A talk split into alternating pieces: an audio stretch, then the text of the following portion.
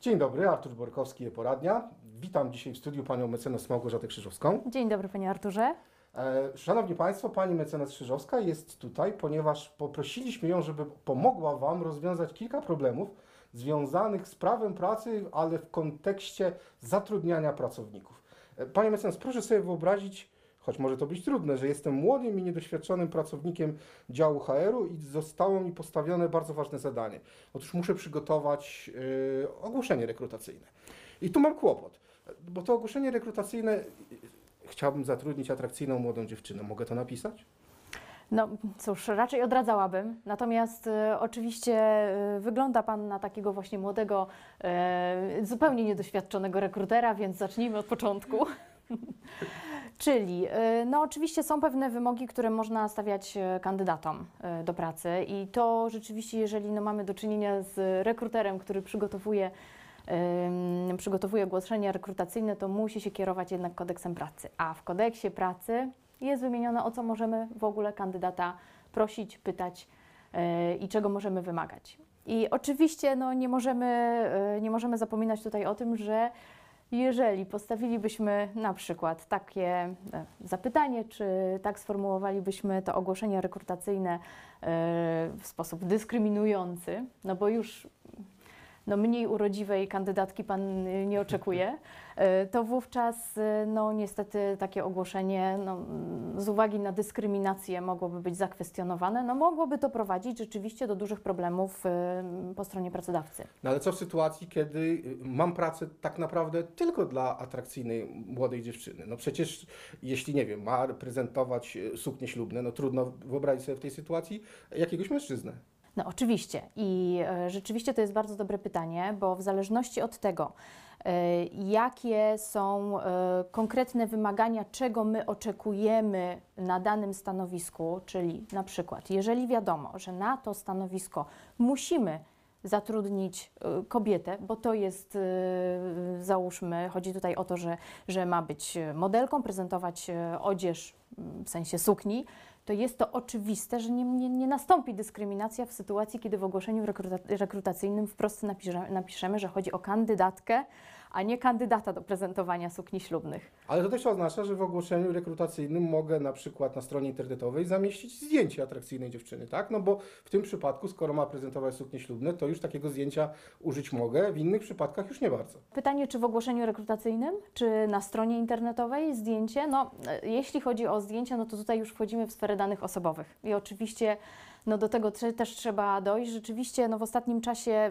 przepisy na tyle się zmieniły, że teraz trzeba brać pod uwagę zarówno kwestie ochrony danych osobowych, jak i kwestie no, zakazu dyskryminacji. I o tym wszystkim trzeba pamiętać, jeśli chodzi o e, i kandydata, i później pracownika. Bo pamiętajmy, że kandydat jednak e, jest zobligowany do tego, żeby podać znacznie mniej informacji niż pracownik. I teraz tak, jeżeli chcielibyśmy na przykład e, zamieścić zdjęcie e, pracownika na stronie internetowej, to pamiętajmy, że musimy mieć do tego jego zgodę. A co w takim razie z y, na przykład dowodem osobistym albo świadectwami ukończenia y, szkół osoby, która stara się o pracę? Czy ja mogę zrobić y, kopię tej dokumentacji, mogę je przechowywać w swoich papierach? To jest bardzo ważne pytanie. E, Jest to rzeczywiście nagminne, że pracodawcy posiadają w aktach osobowych bądź gdzieś po prostu w jakichś takich aktach wręcz roboczych związanych z rekrutacją, na przykład kserokopię dowodu osobistego, to w tej chwili jest wykluczone. To jest zabronione absolutnie pod żadnym pozorem, proszę tego nie robić. E, Absolutnie nie można kserować dokumentów, ale można poprosić o okazanie. Czyli z formalnego punktu widzenia kandydat może mi pokazać swój dokument, ja go mogę obejrzeć, mogę na przykład zrobić z tego notatkę pod tytułem widziałem e, dowód osobisty z takimi danymi i tylko taką notatkę mogę przechowywać w dokumentacji firmowej. Tak, oczywiście, jeżeli to dotyczy y, nie kandydata, tylko pracownika, bo pamiętajmy, że od kandydata możemy uzyskać tylko podstawowe informacje. Na przykład nie możemy uzyskać, y, nie możemy uzyskać od kandydata na przykład numeru PESEL, bo numer PESEL podaje wyłącznie pracownik już zaangażowany do pracy i od pracownika możemy oczekiwać numeru PESEL, dlatego że on jest potrzebny nam na przykład do zgłoszenia do ZUS. Wróćmy do tej atrakcyjnej dziewczyny, a zapytać mogę, czy jest w ciąży? Nie, absolutnie. No W żadnym nie. wypadku? Można zapytać w sytuacji, kiedy wiemy, że, mm, że ten, ta, ta pracownica e, miałaby być przyjęta na stanowisko, które mogłoby zagrażać ciąży, które na przykład byłoby niedopuszczalne dla pracownic w ciąży. No to w takiej sytuacji po prostu y, rzeczywiście, no, no, mm, umówmy się, że, że w sytuacji hali produkcyjnej narażenia na, na, na przykład na ryzyko no, no, na zagrożenie ciąży, no to w takiej sytuacji rzeczywiście istnieje, jest to dopuszczalne, żeby o to spytać, ale wyłącznie jeśli faktycznie y, zatrudnienie kobiety w ciąży stanowiłoby przeciwwskazanie y, do pracy w, w danym charakterze. Czyli jako HR-owiec w tej sytuacji, proszę mnie poprawić, jeśli się mylę, ale wyobrażam sobie procedurę tak. Siedzi naprzeciwko mnie dziewczyna, jej praca znajduje się na wykazie e, prac, które są wzbraniane kobietom. W tej sytuacji to co? Informuję ją, że pani praca może być narażona na rozmaite niepożądane czynniki i tylko wtedy mogę ją zapytać o to, czy jest w ciąży. Czy z tego powinienem też jakąś dokumentację sporządzić, nie wiem, notatkę, wziąć od niej podpis, że ona została o tym poinformowana? Na pewno y, bardzo dobrym, bardzo dobrym rozwiązaniem jest poinformowanie y, i tak powinno się to odbywać. Poinformowanie, jaki jest y, cel tego stanowiska, jaki jest cel tego, cel zatrudnienia i że będzie to stanowisko, na przykład y, będzie to praca w warunkach, które mm, są, tak powiem, zagrażające, na przykład ciąży. Natomiast to nie oznacza, że my możemy zapytać o to. To kandydatka musi sama ocenić, czy ona może podjąć tę pracę, czy nie może podjąć tej pracy. E, I no, Czyli no, mój obowiązek ogranicza się tylko do poinformowania Tak. jej, że ta praca może być tak zagrażająca tak, ciąży. tak, dokładnie tak. A, to ciekawe. Ale wróćmy jeszcze do innych pracowników poza y, y, kobietami.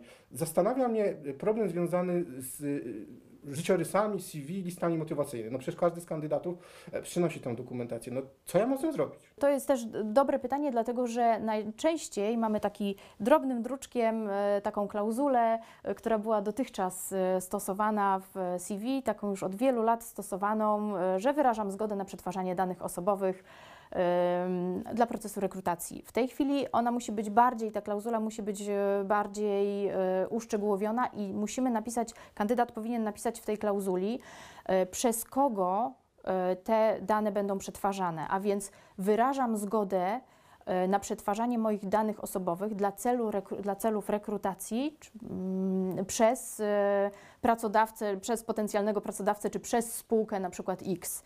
I to będzie prawidłowa e, klauzula. A Nato- na mnie nakłada to, jak rozumiem, obowiązek, że tylko i wyłącznie ja Tak. mogę się posługiwać tą dokumentacją i nikt inny. E, Tak, no chyba, że rzeczywiście, chyba, że pracodawca e, zawrze umowę o powierzeniu przetwarzania danych, no wiadomo, że jeżeli później na przykład angażujemy firmę, która zajmuje się profesjonalnie rekrutacją, no to rzeczywiście pewne zgody i pewne upoważnienia, e, pewne upoważnienia ta firma dostaje. Natomiast też pamiętajmy, że jeżeli kandydat udzieli nam zgody na to, żeby przetwarzać jego dane osobowe, czy dane, które są w tym CV, a więc na przykład zdjęcie, dane osobowe, które sam dobrowolnie poda, podaje.